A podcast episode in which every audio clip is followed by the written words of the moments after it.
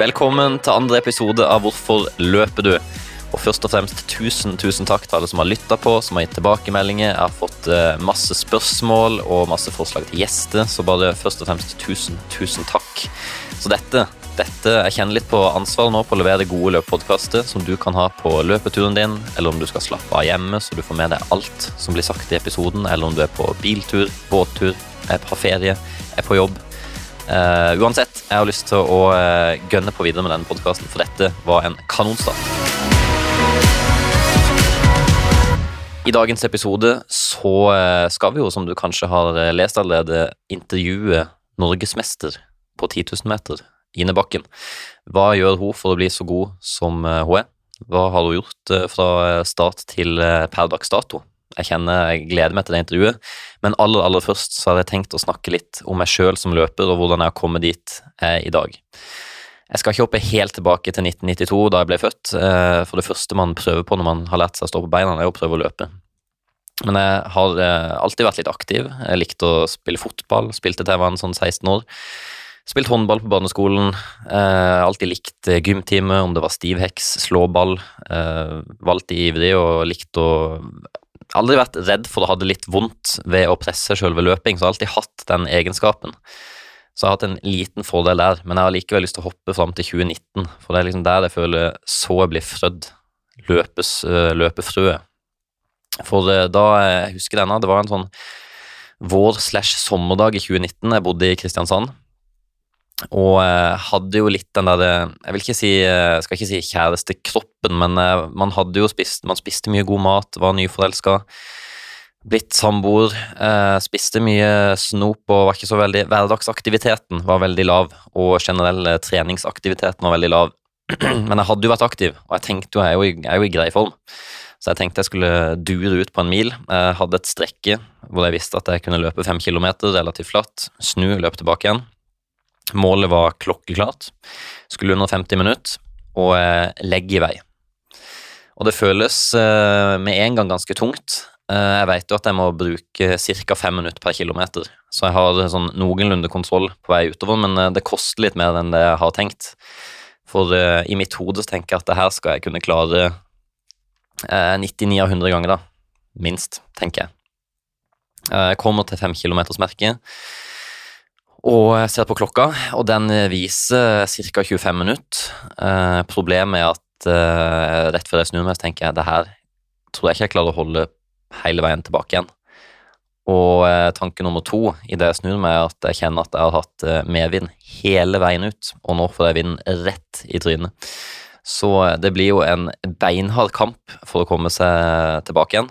Og eh, Idet klokka viser 10 km, så viser han også 50 minutter og eh, jeg tror det var 30-40 sekunder. Ganske nesten 51 minutter.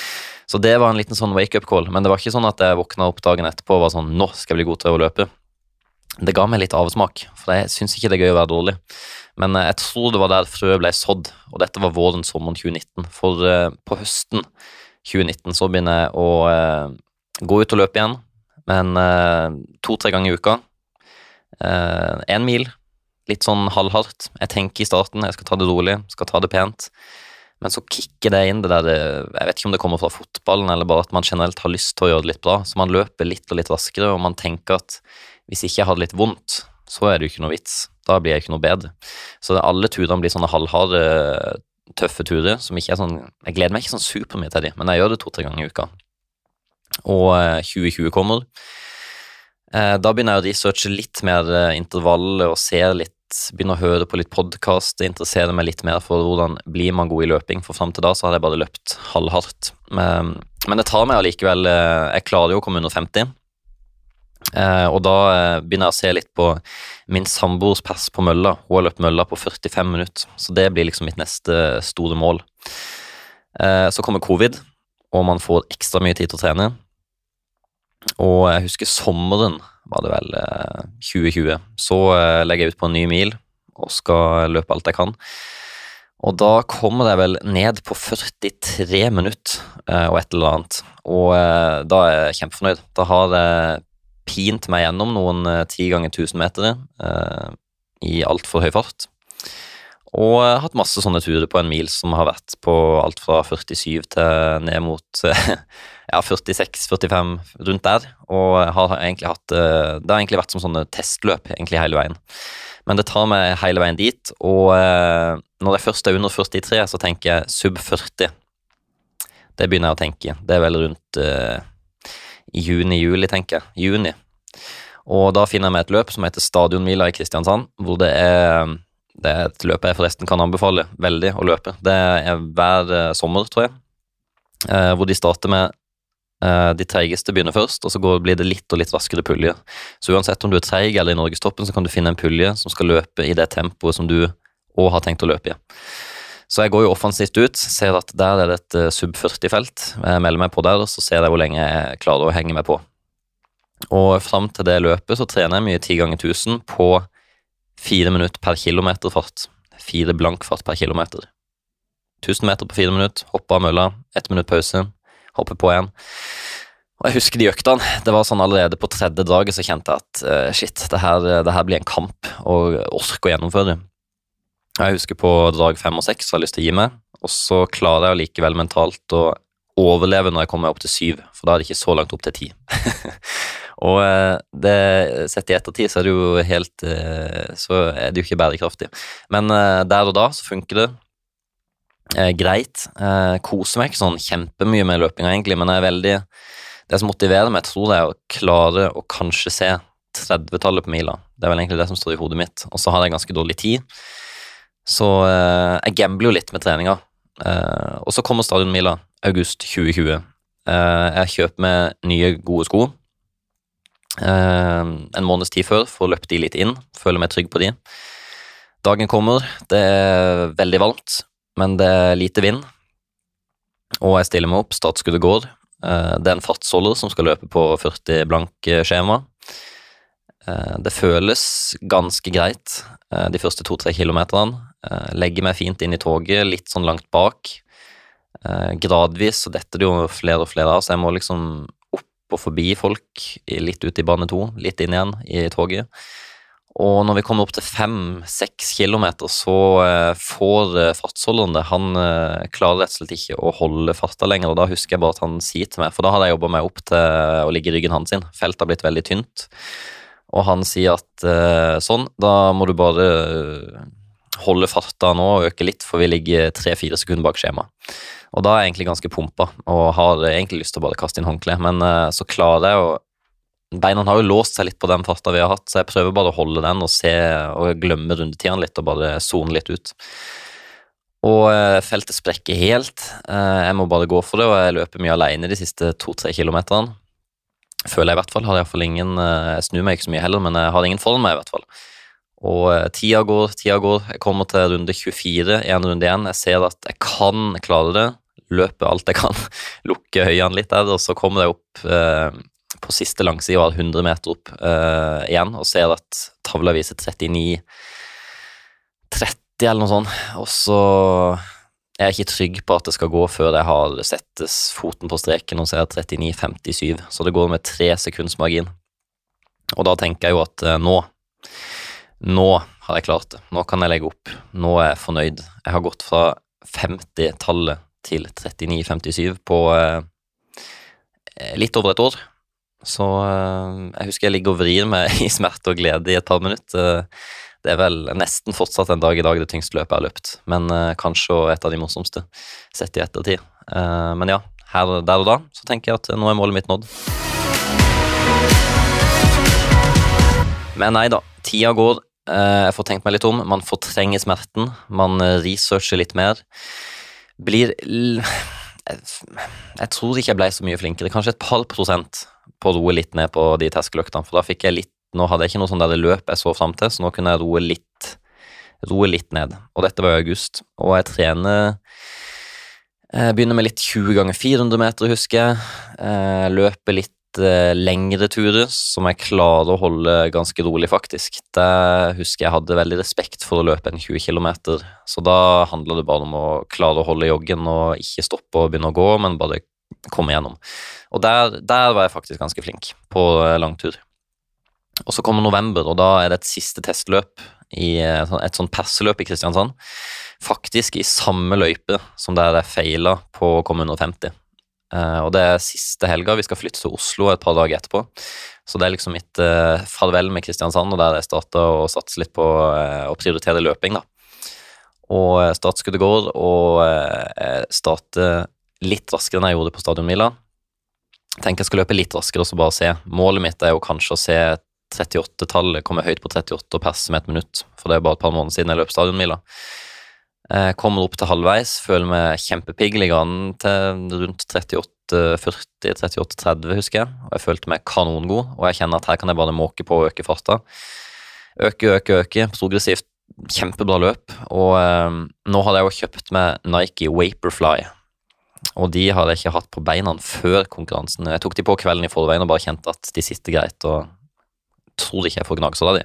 Liten sånn test. Men, uh, og der er det jo karbonplate og superskum og, og jeg kjenner jo at det er gode sko. Jeg kjenner at jeg er blitt i bedre form. Jeg føler at jeg kan bare øke og øke og øke.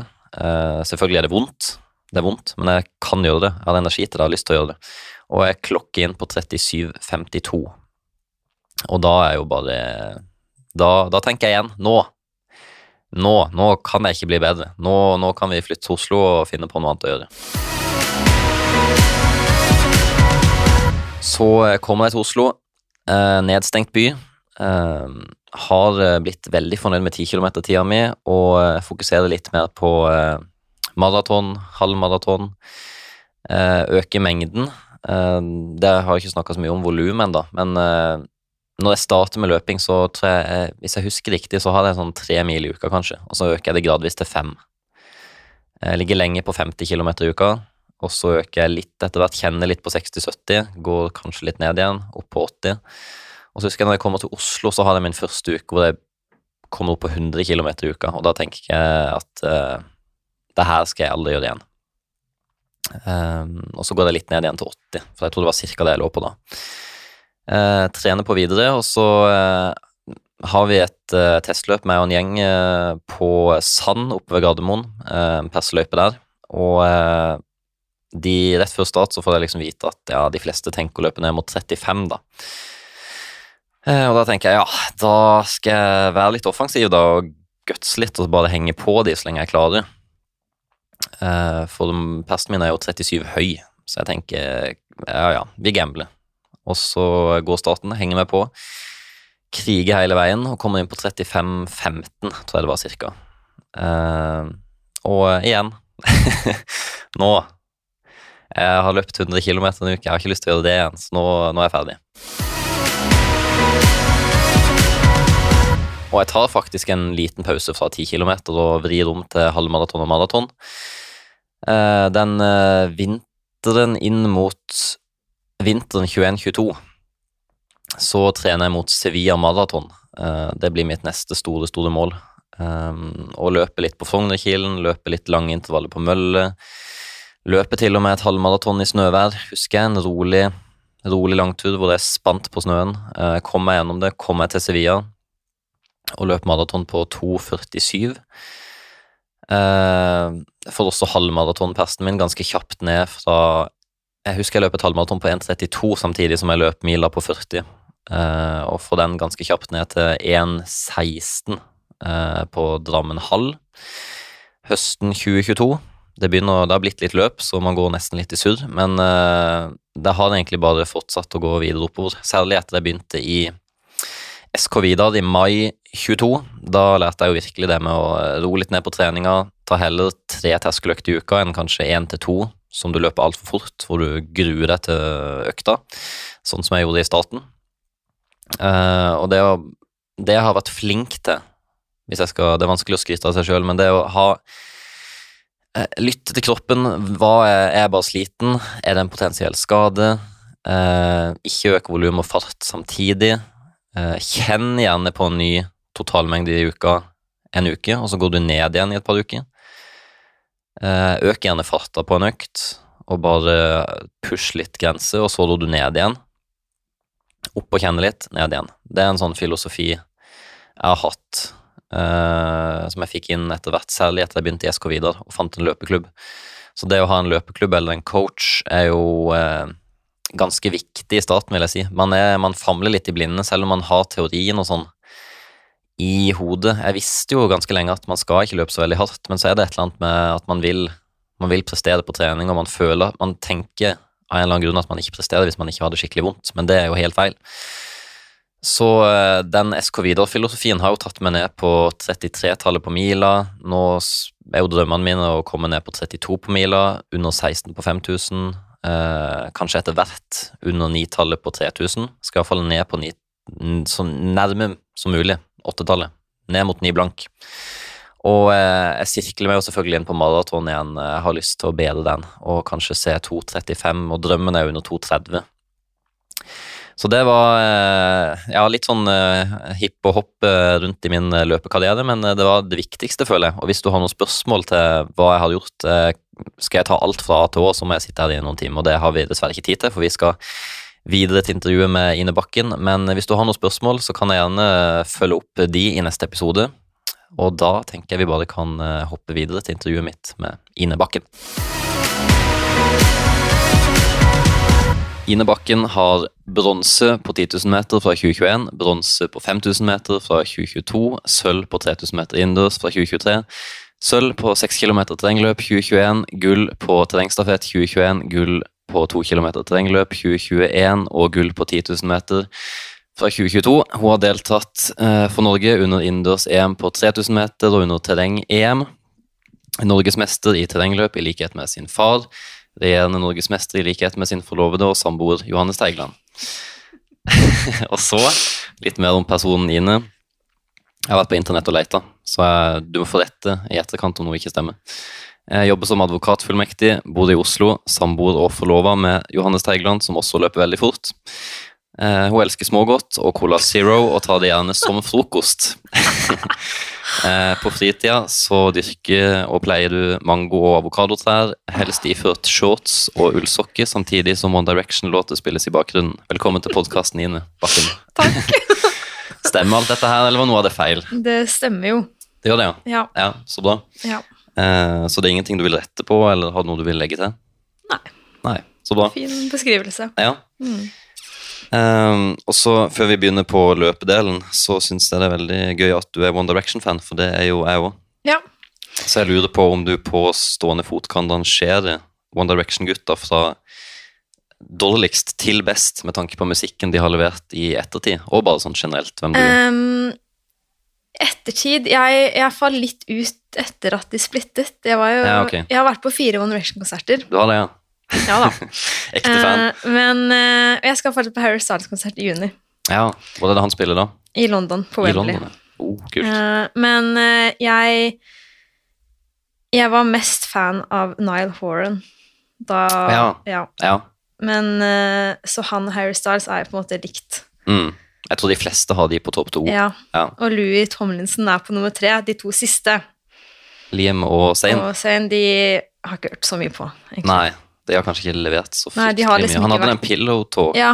ganske kjapt etterpå, han Zain, men etter det har det ikke vært så mye. Etter det har de ikke vært eh, like Nei. fremme, nei. Eh, håper du på et comeback? Ja, Ja.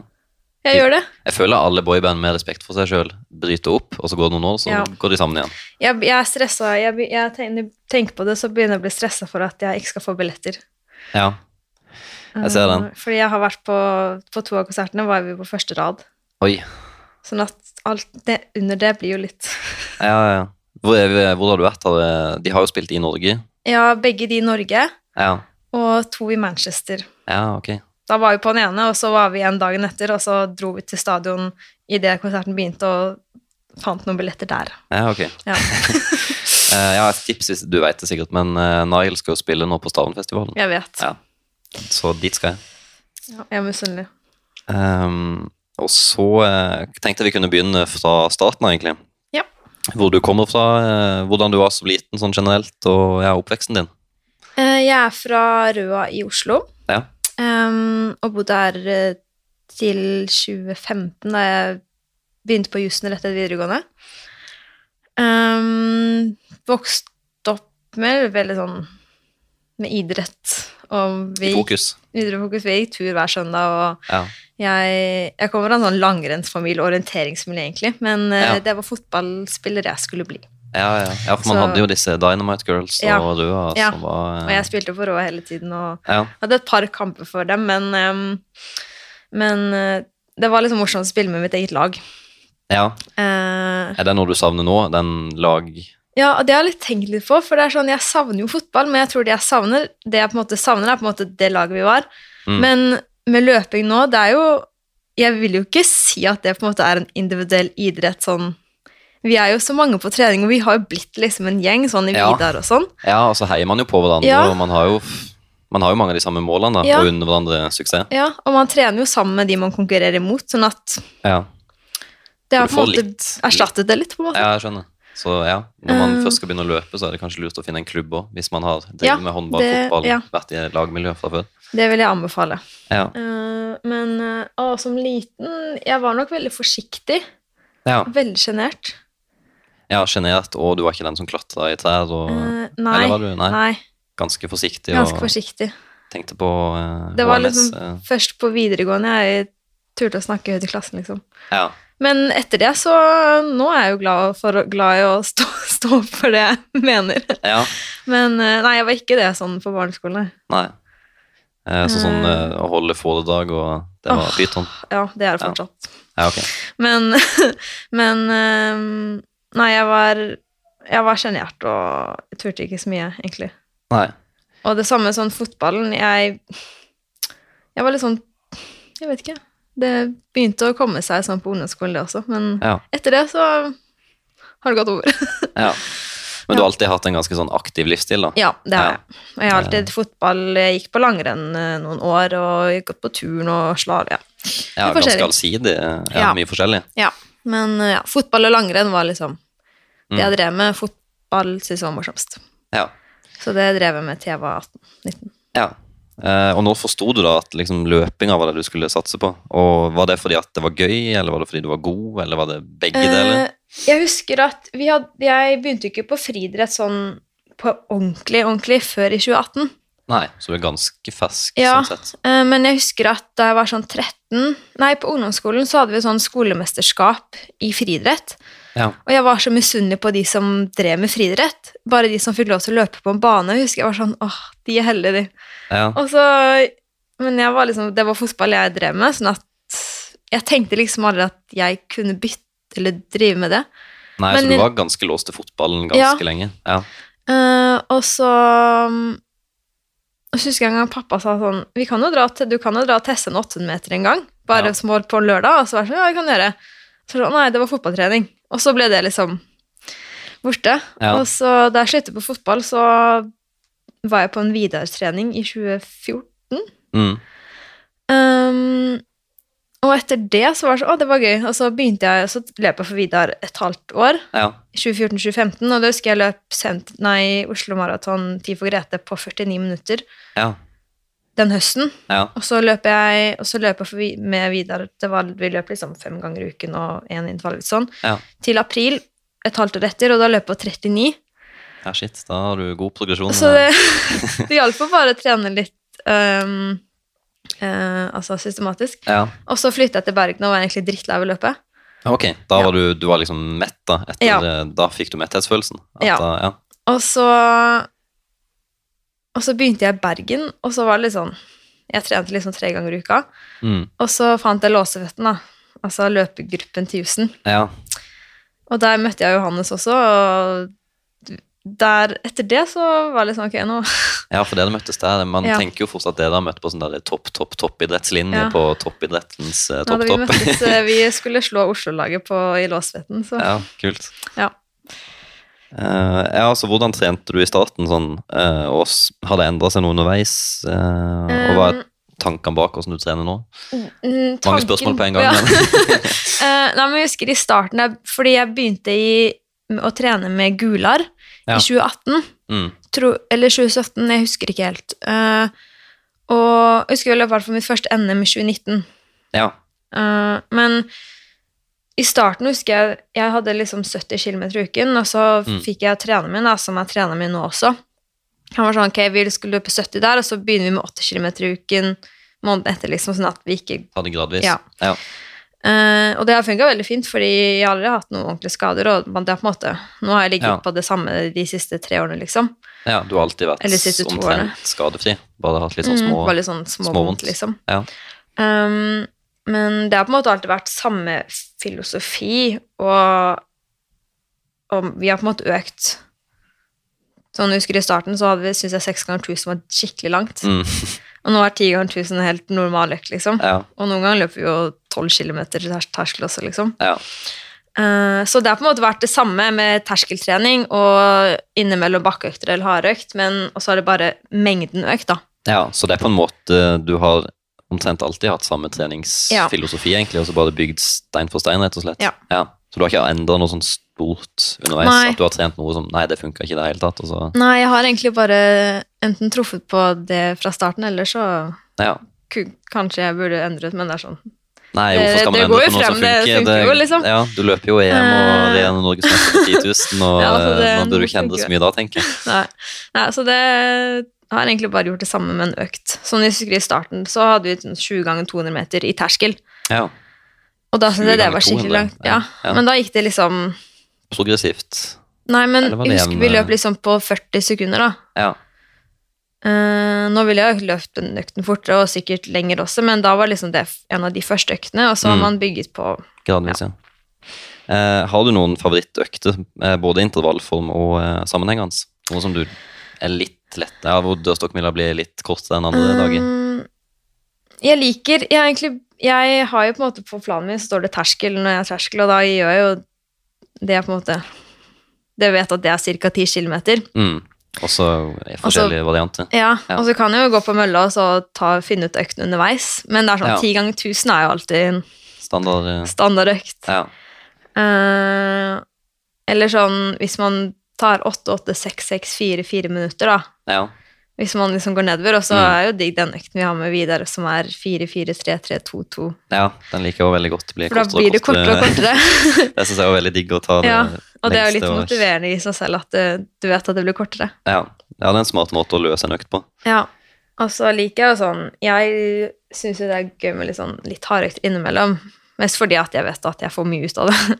Ja. Eh, og så med bakkeøkta gøy. Jeg har ikke hatt så mye bakkeøkt i år, men det er mest fordi jeg ikke har funnet helt tid til det. Men ja jeg liker bakkeøkt, for det, den går fort, og så er det Mm. litt noe helt annet enn terskel, liksom. Ja, bakkeøkta det er den nå. Jeg skulle ønske uka var litt lengre. Da er det liksom det jeg hadde hivd på min Mm. Ja. treningsplan. Men Ja. jeg får liksom ikke tida akkurat Nei. nå. Men, eh, men Ja. hvordan kjører du en bakkeøkt, da? Uh, vi, to, uh, vi har prøvd å ha to ganger ti ganger 200 meter. Mm. I den bakken fra Ullevål opp til Tåsen. Ja, Tåsenbakken. der. Ja. ja. Fordi den Jeg føler mange misforstår når man tenker bakkeøkt. Så liksom Å, jeg vet det med bakke, så er den rett opp. Ja. Det skal jo egentlig så vidt være liksom ja. Skal ikke være så bratt. Nei. Det skal bare være litt tungt. Ja. Du skal fortsatt ha løpesteget ditt. Ja. Uh, og så jogger man ned, og så Så tar man en seriepause etter ti, og så Ja. ti nye. Og da har vi pleid å gå ned istedenfor å jogge, liksom. og så- Ja. Uh, pleier du å kjøre den litt progressivt, eller eh, starter du på en fart du skal prøve å holde i en økt? Um, jeg pleier å kjøre den progressiv mest fordi jeg føler det tar litt tid å komme inn i den, sånn at det blir Ja. automatisk progressivt. Og så de siste så gir man jo på litt ekstra, for da Mm. Men bruke noen dager på å liksom finne flyten, og så mm. jobbe derfra? Og jeg husker sånn, i fjor da hadde jeg bøkt den litt ofte, eller liksom annenhver uke. Mm. Og da, ikke fordi jeg på en måte ble bedre for, men første økt, siste økt, den siste økten gikk mye fortere, bare fordi kroppen Ja. må bli vant til å løpe Ja, ja. eh, fort. Sant. Eh, og så hvor mye hard trening gjør du versus rolig trening? Eh, og hvor ofte løper du terskel og Er det- hardøkt? Er hard økt, Jeg altså, vil si hardøkt det er en sånn, eh, Sånn over terskel. ja. ja, litt raskere enn terskel. um, som på vinteren så har jeg mest terskel, mm. som er liksom 10 ganger 1000 eller eh, ja, ca. 10 km totalt, da. Ja. Delt opp i forskjellige Jobbe med terskelpart. Ja. Ja. Um, og sånn hardøkt Jeg liker jo, eller jeg i hvert fall får, får effekt av sånn 6 ganger 1000 i 5000 watt, for eksempel. Mm. Um, og da Den Jeg har ikke så ofte på vinteren, men gjerne liksom før konkurranse. Ja. Sånn en uke før. Seks dager før. ja. Litt sånn Um, konkurranseforberedende, rett og ja. slett. Å få kanskje litt mental selvtillit òg, da. Mm, Og vite at det er en fart Ja. som kan gå. ja. Ja. Uh, på sommeren så har man jo på en måte mer konkurranser, sånn at da blir jo det hardøktene Ja, sant. litt Ja. Så da legger man vekk litt ja, de øktene. ja.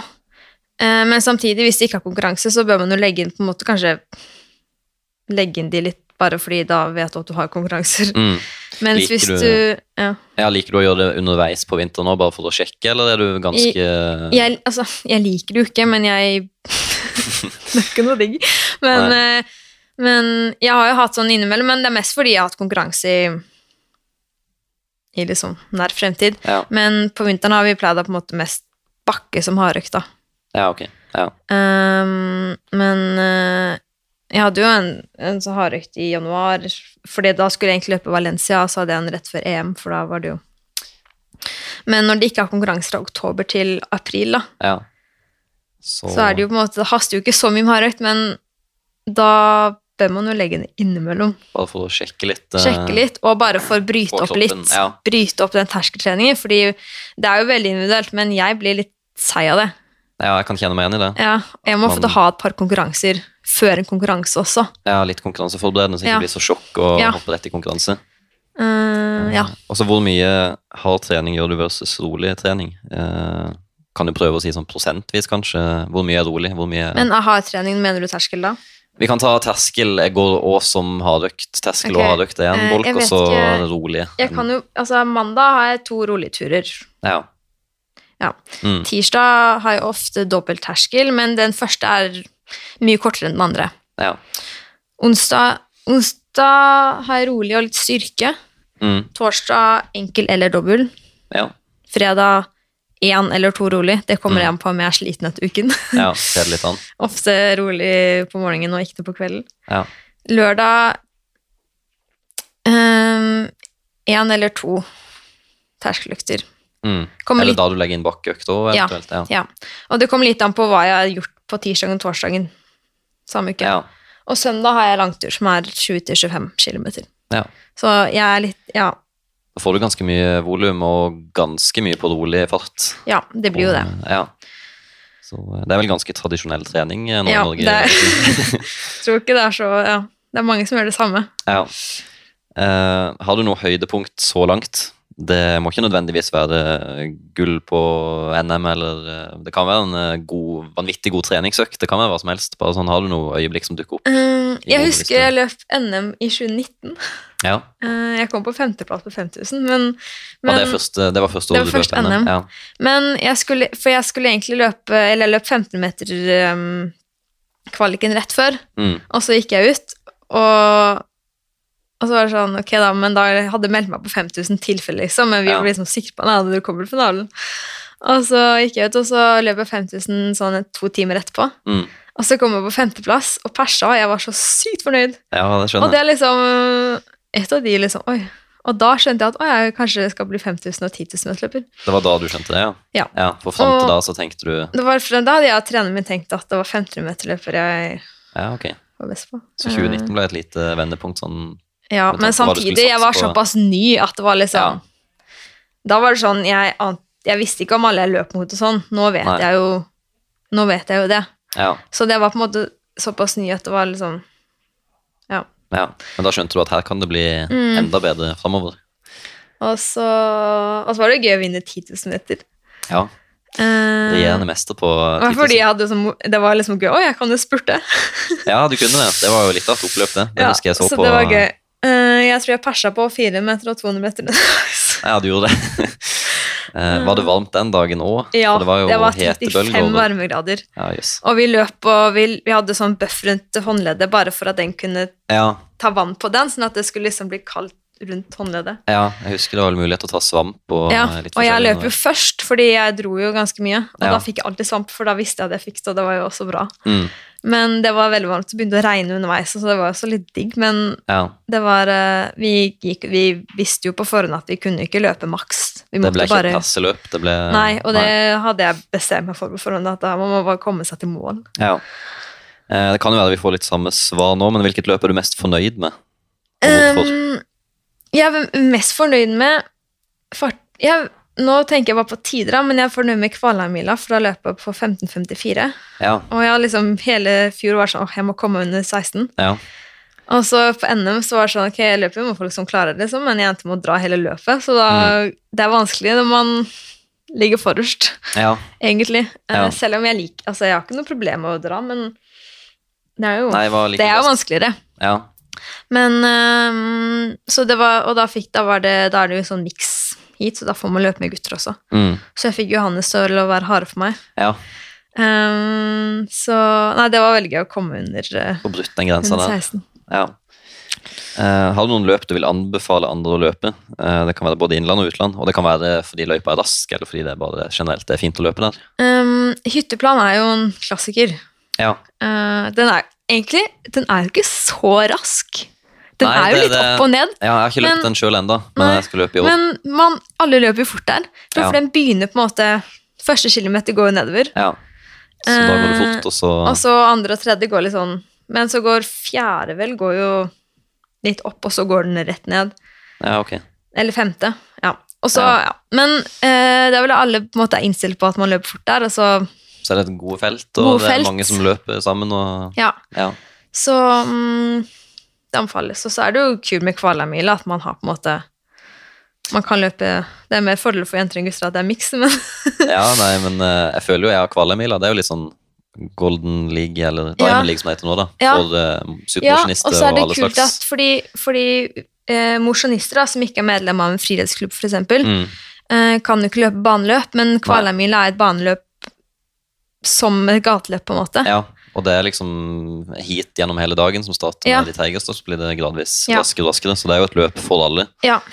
Mm. Eh, Um, og så er det jo sånn, København halvmaraton er jo ja, bra. den er det også på lista i år. Jeg har ikke løpt det heller. Ja, jeg skal løpe det i år. Ja. Jeg løp den i 2021. ja. Hva er persen din på halv? Eh, 1,14 1,14, lav? Ja. Ja. ja, men det tar du nå. Ja, jeg håper det. Eh, Så skal vi skifte litt bort fra løpinga igjen, med noe som alle løpere generelt er ganske glad i. Eh, Favoritt smågodt. Hva må den, du ha i smågodtposen? Det er bare sånn, Jeg og Johannes har helt forskjellig smågesmak. Ja. Og han har sånn inn og bare velg. Og så Ja. klager han på hva jeg har valgt. Men eh, nei, jeg, jeg de eh, Sjokoladefamilien. ja. Eh, Stratostyr, som Ja. vi kaller det. Ja. Ja, som, eller jeg kaller det. De med de sånne små med Nonstop på. Ja, Spragleknas.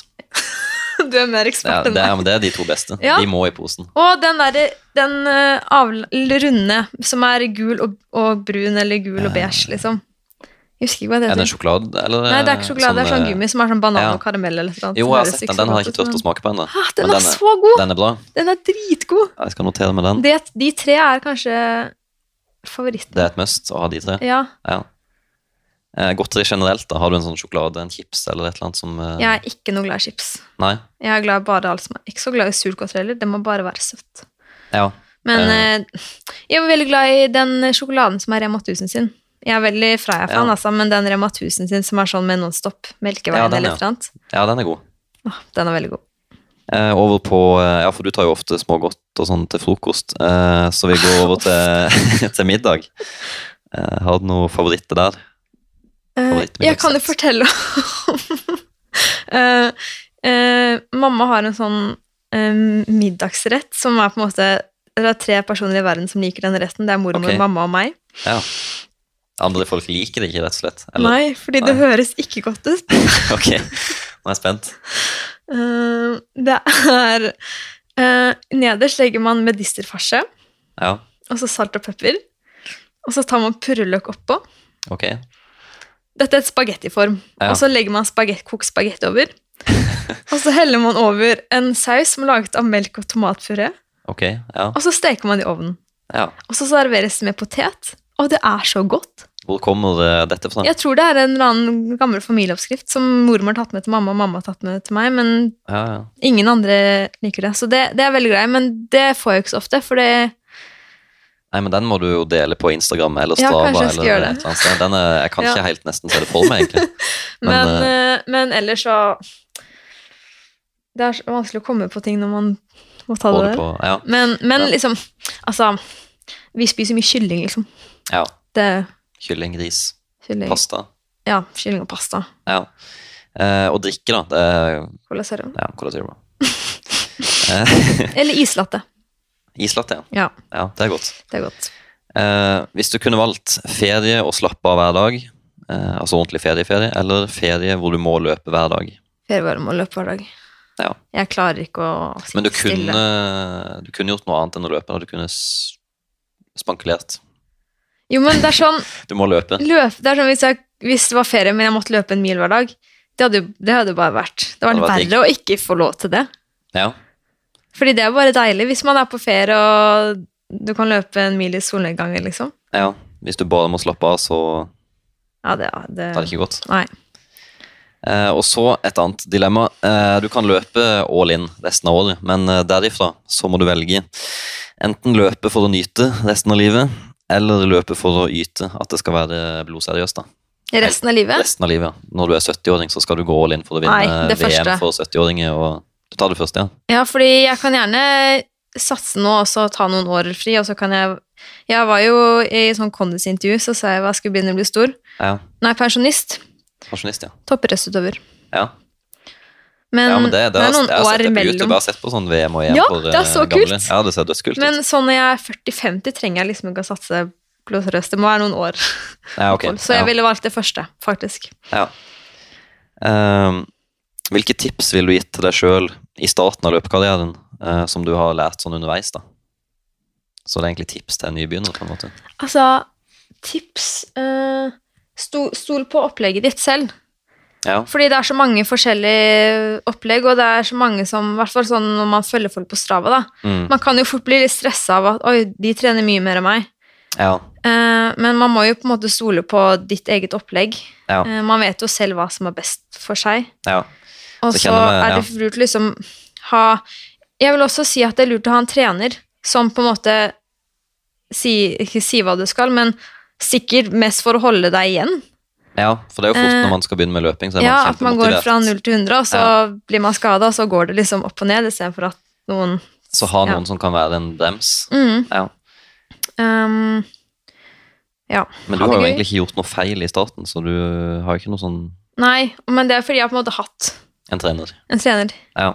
Så Hele kanskje tiden. finne seg en løpeklubb eller en trener, Ja. eller starte der, liksom. Ja. Som kan uh, hjelpe deg i gang. Ja, og også en klubb bare for det sosiale. Ja, det kjenner jeg på sjøl. Jeg tror liksom ikke at jeg hadde giddet å løpe så mye og satse liksom, hvis jeg hadde gjort dette helt alene.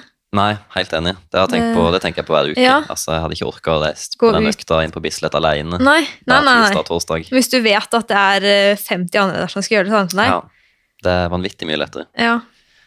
Um, bruker du mye tid på valg av løpesko og utstyr? Er du en utstyrsgeek? Nei. Sitter ikke på YouTube og ser på nye sko, og Nei. det bryr deg null, liksom? Jeg husker da, da Vapefly kom ut første gang, Ja. de rosa. Ja. Det var Hytteplan 2019. Og så var det sånn Skal jeg gidde å kjøpe de, liksom? ja. Uh, nå har jeg jo litt flere Vapefly. Hvor mange sko har du nå? Jeg og Johannes har måttet utvide skoskapet gangen fire ganger. Ja. Vi må jeg kjøpe nytt snart. Ja, Men da husker jeg var sånn, «Ah, skal jeg gidde det? Og så kjøpte jeg de dagen før hytteplan. ja okay. Og etter det har jeg jo ikke Fortsatt med det? Ja. Ja. De funka bra. De funker. Eh, og så er du nøye med målinger, for det er jo mange som eh, Noen løper på puls, andre måler laktat. Eh, har du brukt noe av det opp igjennom? Nei. Ingenting? Jeg har aldri målt puls. Jeg ønsker meg det til jul i år, men jeg fikk det ikke, så da må jeg ønske meg fullspill til neste år. ja. Men nei, jeg har vurdert å kjøpe det, men jeg, det er sånn man må Man må jo ikke bli for opphengt i det heller.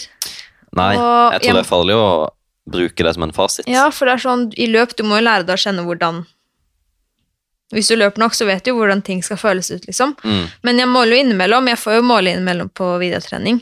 ja. Um, sånn, Hvis jeg spør, så får jeg måle. ja, Men jeg måler kanskje annenhver måned da, en gang, bare for å kontrollere, kontrollere, litt, liksom. Ja. Men jeg vet jo hvilken fart jeg kan løpe, og hvordan det skal kjennes. ja. Og det er kanskje fordi jeg på en måte Jeg hadde aldri begynt med det. Uh, eller jeg begynte å løpe uten å gjøre det. Da, liksom. Mm. Og i, da jeg løp for Gular, så måler vi ikke laktat. Sånn at Nei. Det er ikke på den liksom- laktatkjøret. Nei. Um, og så uh, Ja, men det tenker jeg er fint òg. At man heller kan bruke litt tid og bare på å bli kjent med følelsen Mm, og følge den. Og da må man ofte bruke eh, kanskje noen konkurranse på å komme inn i det og ja. uh, løpe seg litt inn i det på trening òg. Og så hadde vi da løp for Gular, så hadde vi sånn, det var to år da, hvor vi hadde sånn, vi målte, vi hadde laktattest Mm. en gang i året, så jeg gjorde det i to år. Ja. Så visste vi liksom eh, terskelfarten, og så visste man liksom at den var der, og så kunne Mm. man, men det var liksom ja, for det kan jo være fint. Det er jo noe man kan gjøre. Ta en Mm. laktattest. test, og så vet du at det er utgangspunktet, så kan du, hvis Ja. du har lett, så kan du sikkert ligge fortere, hvis du, ja. Mm. Ja, det tror jeg kan være fint, faktisk. Men ikke, jeg tror ikke man skal bli helt Team Ingebrigtsen og måle på Nei. hvert lag og kjøre på og sånn. Eh, men å kjøre en laktattest én til to ganger i året, kanskje Mm. på starten av sesongen, Ja. og så kanskje på slutten, Mm. bare for å se. Ja. Um, og så har vi jo uh, Strava. Uh, har du noen du kan anbefale å følge der? I tillegg til deg sjøl? Er det noen som Eh, inspirerer? Nei, eller Nei. er du mye på Strava? Hæ? Er du mye på Strava? sånn? Ja. ja. Men det er ingen som er liksom Det er ikke noe du må inn og sjekke på hva har de Nei. gjort? Nei. Fordi jeg bruker litt Strava bare for å gå gjennom. Jeg er på Det Strava sånn- like mye som Instagram, liksom, men, Ja. men, Du sitter bare og scroller der opp på en måte som på Insta? Ja. ja. men, Ja, ikke, men ikke, kjenner- hvis jeg er skadet eller syk, så er jeg ikke på Strava. Nei. Nei, men den kan jeg da se. Da blir man bare liksom. irritert. Men nei, det er ikke noen jeg liksom følger fordi jeg Ikke noen spesielle favoritter. Nei. Johannes, eh, han er. Han er gan... Nei, han er ikke Jo, han er ganske aktiv. Ja, er ganske han er aktiv. Ja, jeg ser ofte der ute på morgentur eh, Ja. når jeg ligger og sover. Ja, Eh, Vi kan anbefale han, da. ja jeg kan anbefale han. Um, men nei, men det er også litt sånn igjen at jeg vet jo på en måte at mitt doble funker, så jeg bruker mer Strava for å bare Det er gøy å se hva folk er. Hva som skjer rundt hva som, hva jeg, hva jeg, hvem de jeg kjenner, gjør, liksom. Mm. Ja, uh, og så funker det veldig bra. Man vet jo alltid hvor de man følger på Strava, er i verden. det er sant. Uh, og hvis man lurer oss på seg selv, hvor var jeg da? Jo, da var jeg der. Ja.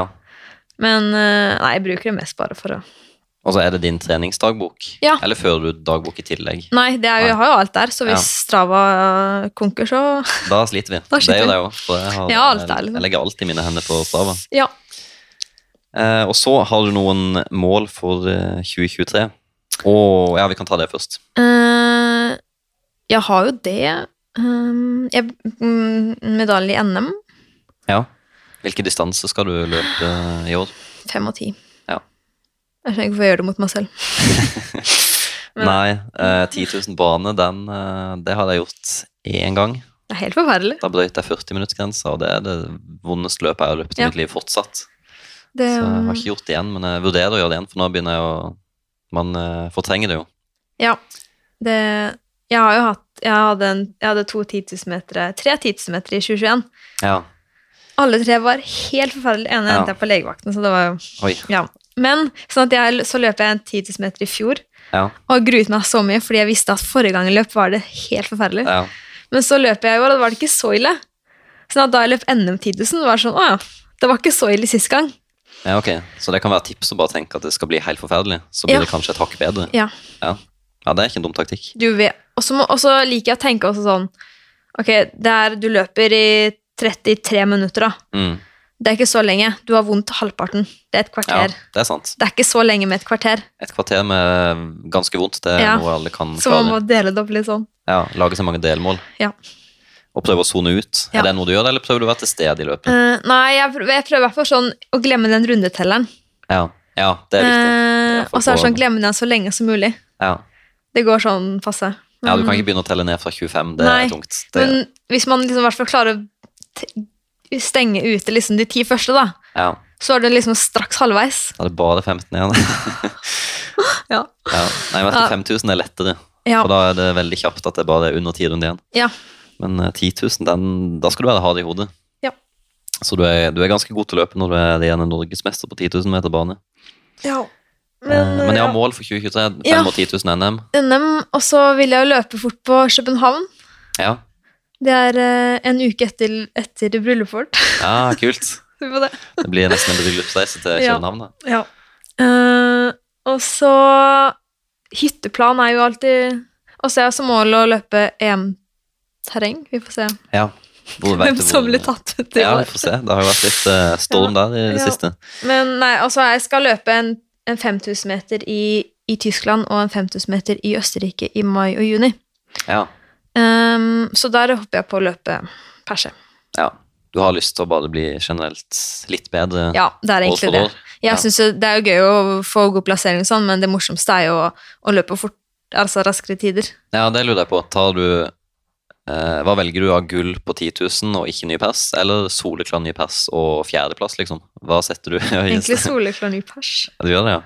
Kommer, Da har du blitt bedre, og du kan liksom ikke gjøre Det noe med konkurrenter. Det er litt det også. Ja, Um, Fjerdeplass er litt kjipt, da.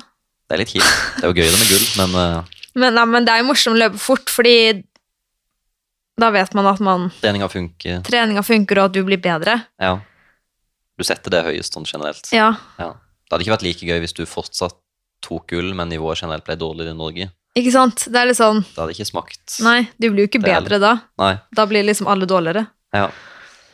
Eh, og så har du noen drømmemål sånn i løpet av karrieren. Har du noen sånn, altså Det er jo drømmemål, så det er ikke sikkert de går i oppfyllelse. Tør du å komme med noe? Altså, jeg er litt sånn Jeg tar det liksom bare som det kommer. Ja.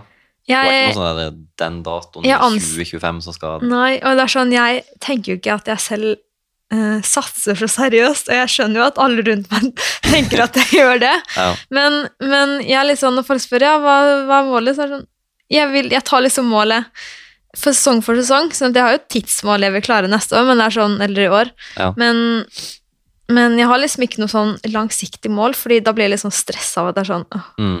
ja. Men tar liksom ett mål om gangen. Men jeg har jo et mål om å løpe EM neste år. I juni Ja. neste år. og Eh, da skal men det arrangeres i jeg tror det er Roma. Ja, kult. Tror jeg. Det kan stemme, det. Ja. Men, men lenger enn det har jeg ikke tenkt, for det er ja. Du tør ikke å se for langt fram. Nei. Ta det heller bare litt sånn Ta det litt som det kommer. kapittel Og sånn har jeg liksom tenkt liksom hele veien. At det er sånn Vi får se hvor lenge jeg gidder å holde på, og hvor Mm. lenge det er gøy. Og så Ja, for du løper så lenge det er gøy. Ja. Hvis det begynner å bli tungt og kjedelig og Ja. Men hva motiveres du av? Er det progresjon? Ja. Så hvis den stopper litt opp ja. Jeg er litt redd for hva som skjer når den stopper opp. For du begynner jo å løpe farlig fort nå. Du snuser Ja, vel på men jeg begynte å 32-tallet på mila og Ja, Ja. Men jeg begynte å løpe såpass sent, så jeg håper jo at det fortsetter. Ja, litt du til. starta i 2018, Ja. så du er jo ganske fersk, ja, Ja. sånn sett. Uh, men jeg, det er sånn Kommer jeg til å synes det er like gøy når jeg ikke blir bedre? Jeg er usikker på det. Ja, det blir spennende å se. Ja. Uh, Du har jo sagt du skal satse helt til du er pensjonist og vel så det. Ja. Nei, jeg skal slutte. Skal Ja, du skulle slutte og så begynne. Begynne. ja. Eh, Hadde du takka ja til Mesternes mester? Mm, ja. Ja. ja, det hadde jeg jo gjort, men det er jo ikke sjanse i havet at jeg kommer dit. Men, uh, ja, det hadde vært kult å se. øvelsene, i hvert fall. Ja. Eh, Hva tror du hadde gjort det best i? Mm, den derre løpe Når de skal Ja, løpe jo, selvfølgelig. Ja. Eh, Men den der 90-graderen, eller Åh, hvor når du skal henge så lenge som mulig, eller gå med disse sandsekkene, eller eh, Ikke ah, det er, Er det noe av det som frister, liksom? Nei. Hvor du tenker at der kunne jeg slått i, liksom? Bortsett fra løping, da. Jeg vet ikke. Jeg, det er ikke så ofte jeg tester sånne Det er jo ikke mange øvelser der som man trener så spesifikt mot. Og så er liksom mye er sånn statiske øvelser. Jeg, Ja, vi er jo ikke så gode på det vi løper, er jo det? tror ikke det. Nei. Nei. 90-graden, den tør jeg ikke å prøve på engang, for den ser helt forferdelig Men ut. øh, som kanskje ja, Jeg kan ikke kaste heller, så nei. Nei. Sats på den løpetesten. Ja. Eh, og så til slutt, eh, ganske åpent spørsmål. Eh, hvorfor løper du, Ine? Um, først og fremst fordi det er gøy. Mm. Det gir liksom Det gir mestringsfølelse. Det er på en måte noe jeg er god i. Ja, Og det er jo gøy å drive med ting man er god i. ja. Og så det er jo et prosjekt. Ja, Ja. ja, det er litt det. Det er på en måte Og så er det jo sånn som man er liten, så har man jo på en måte Du blir jo satt på en aktivitet, og så gjør du det. Mm. Men når man er på en måte voksen, så er det jo Da gjør man det på en måte mer fordi man kanskje syns det er gøy selv. ja. Og så er det jo i hvert fall gøy nå som begynner, det begynner å bli mange som, gjør, som løper. Ja, det er en Så man eh, blir liksom nå. Man blir jo kjent med mange nye mennesker, og, Mm. og det gir jo motivasjon. Ja. Så nå tror jeg jeg løper, ja. Det er, det er gøy, og det gir mestring, liksom. Mm. ja. Kan du se for deg at du står opp en dag og gjør noe annet enn å ta deg en løpetur? Eller eh, Nei, det er så, nei jeg skjønner Og så er litt sånn Jeg har snakket med Johannes om det. litt sånn, Folk som ikke løper, mm. hva fyller de dagene med? liksom? Ja. Ettermiddagene. Fordi altså, jeg står opp, løper, drar på jobb, Ja. kommer hjem, løper. Ja. Så klokka åtte på kvelden, da Ja. Ja, jeg kjenner meg igjen. Også da jeg begynte å løpe, så tenkte jeg skal jeg gidde å løpe? Mens etter hvert så ble det gradvis sånn når på dagen skal jeg løpe? Ja. Sånn tankegang. Ja. Og, eh, Det blir jo en vane. ja. Det blir jo en like stor en del av maten, nei, av maten av å, av å av dagen som at du skal spise mat, liksom. Mm. Fordi ja. du legger opp dagen etter det, og så alt annet må liksom Ja. tilpasses rundt det. Ja, og det å bare ta seg en joggetur og høre på en podkast, Mhm. det er liksom Jeg føler Og så har man jo samme puls på en måte også som å ligge på sofaen og høre på podkast, mm. så det blir på en måte Ja. bare en sånn Det blir liksom ikke Jeg føler ikke det er trening heller. Nei, det er det. det ja. Så eh, nei, løping, det det er bra på mange arenaer, rett og slett. Mm. Både mentalt og fysisk. Og, Mm. ja. ja. Eh, og så helt til slutt, har du bare et tips, bare sånn generelt, til nybegynneren som nå sitter og hører på, og som har lyst til å komme i gang? Ja, man må bare, bare gå ut. Og så, hvem hørte et tips her? Det tror jeg var Jack Waitz. Ja. Sa sånn, bare gå ut og løp i fem minutter, da. Mm. Hvis det er like forferdelig etter fem minutter som det var før du begynte, så gå inn igjen, men prøv Ja. fem minutter. Hvis du begynner fem minutter, så er det ofte Ja. Den har jeg også Da er du- ja, da er da, du i gang. eh, Den hadde jeg tatt med meg, så det er sånn to ganger i året hvor jeg jogger ut i fem-ti minutter. Hvis jeg føler meg forferdelig da òg, at kroppen bare er helt At jeg har ikke overskudd, liksom, så hadde jeg faktisk snudd og bare løpt hjem. Ja. Det Men, men da har man prøvd, i hvert fall. Da har man prøvd, ja. Eh, og det er ofte, eller ikke ofte, men noen ganger jeg liksom skal ut og trene, så Mm. altså bare Det er bare nei. Mm. Eh, men så bare et løp kortere da enn man vil, men Ja. det er på en måte ett stikk på veien. Og løp sammen med noen. Ja. Lag avtaler, for da vet man man kommer seg ut. ja. Jeg støtter den. Jeg har Eh. funnet noen å løpe med, og så, så skal man ikke være redd heller for å melde seg inn i en løpeklubb. Nei. Men det kjente jeg jo sjøl at jeg må jo være Jeg måtte liksom være så så god, føler jeg, for jeg skulle Ja. tørre å melde meg inn i en løpeklubb. Men man ser jo at løpeklubber det er jo alt fra de som så vidt har Ja. begynt, til norgesmestere. Mm, men sånn som Vidar, da, når vi på Voldsløk er 100 stykker på trening, Ja. det sier jo seg selv at det er forskjellige nivåer da. ja, ja. Uh, Så det å tørre å komme over den terskelen der og melde seg Ja. inn i en løpeklubb, da ja, er det er kanskje gjort, egentlig det beste tipset. Ja, enig. Uh, og folk er jo som regel veldig inkluderende og hyggelige og Ja, klar for å bli kjent med nye folk, liksom. ja, man blir jo veldig godt kjent. Man blir en liten gjeng i Ja. de tog, fartstogene som man løper i. Da. det er- ja. Jeg husker sånn under korona, så var vi, da var det bare lov å trene fem om gangen i grupper. ja. Og vi ble jo en gjeng, vi fem, fordi vi Ja, ja. fikk jo ikke trene med noen andre. Nei. Eh, så ja, man blir jo fort kjent med nye, Mm, nye folk, liksom. Ja. Ja. Det er gode tips. Eh, lykke til med 2023-sesongen, og jeg Takk. håper du eh, jeg fortsatt med smågodt og Cola Zero til frokost. Det ser ut som det funker. Og så håper jeg One Direction eh, tar eh, comeback snart. Ah, ja. Det hadde vært kult. Jeg håper iallfall på et album eller to. Eh, har du hørt på Westlife, forresten, bare sånn til slutt? For det, jo, det er jo egentlig de første One Direction-gutta. Nei. Det var jo han Simon Cowell som satte oh, ja. de sammen først. Så det er egentlig de første som Oi, er ute. Ja. jeg. Så jeg har vært på konsert med de i Manchester. Eh, så det er et lite tips, ja. ja. Takk for at du kom, og så eh, håper vi kanskje at du gjester podden igjen eh, ved en senere anledning. Så kan vi spørre hvorfor du fortsatt løper da. Det, skal jeg, det blir jeg med på. Ha det. Ha det. Tusen takk for at Ine Bakken stilte opp i podden Hvorfor løper du? Og før vi runder av, så tenkte jeg bare å ta et par spørsmål som vi har fått sendt inn på Hvorfor løper du på Instagram. Første spørsmål fra Kristina. Hvordan vet man at man bruker riktige sko med tanke på å unngå skader? Og der tenker jeg at så lenge du har en sko som passer din fot, du får ikke gnagsår, det er ikke noe press her og der, det er greit med demping, den, den, får, den føles bare bra, så går det nok mer på at uh, på det med å unngå skade, så er det viktig da å ikke overdrive distansen, overdrive intervallene, ta for lite hvile mellom hver økt. Eh, så lenge du har en sko som føles bra, og som er god, og som er ganske ny, som ikke er tre, fire, fem år gammel, så er det mest sannsynlig ikke noe galt med skoen. Da kan du føle deg veldig trygg på den. Så det viktigste, ikke overdriv distanse, ikke øk volum og fart samtidig.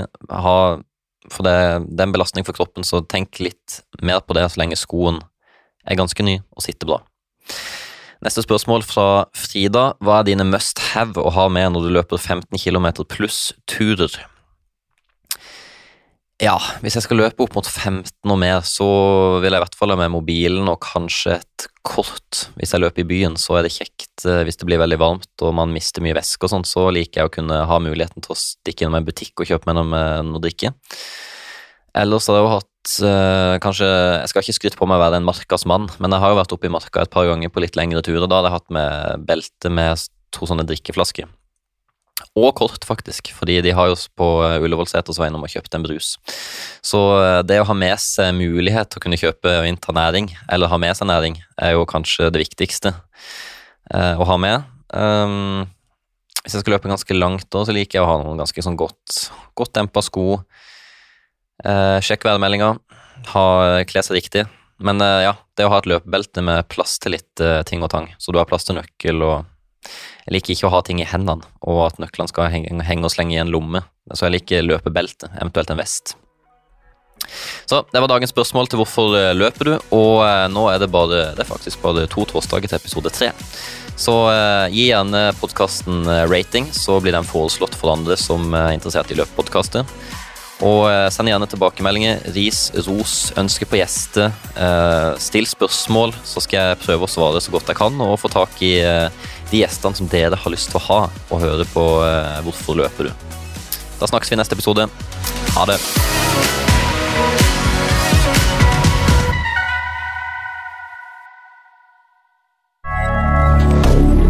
moderne media.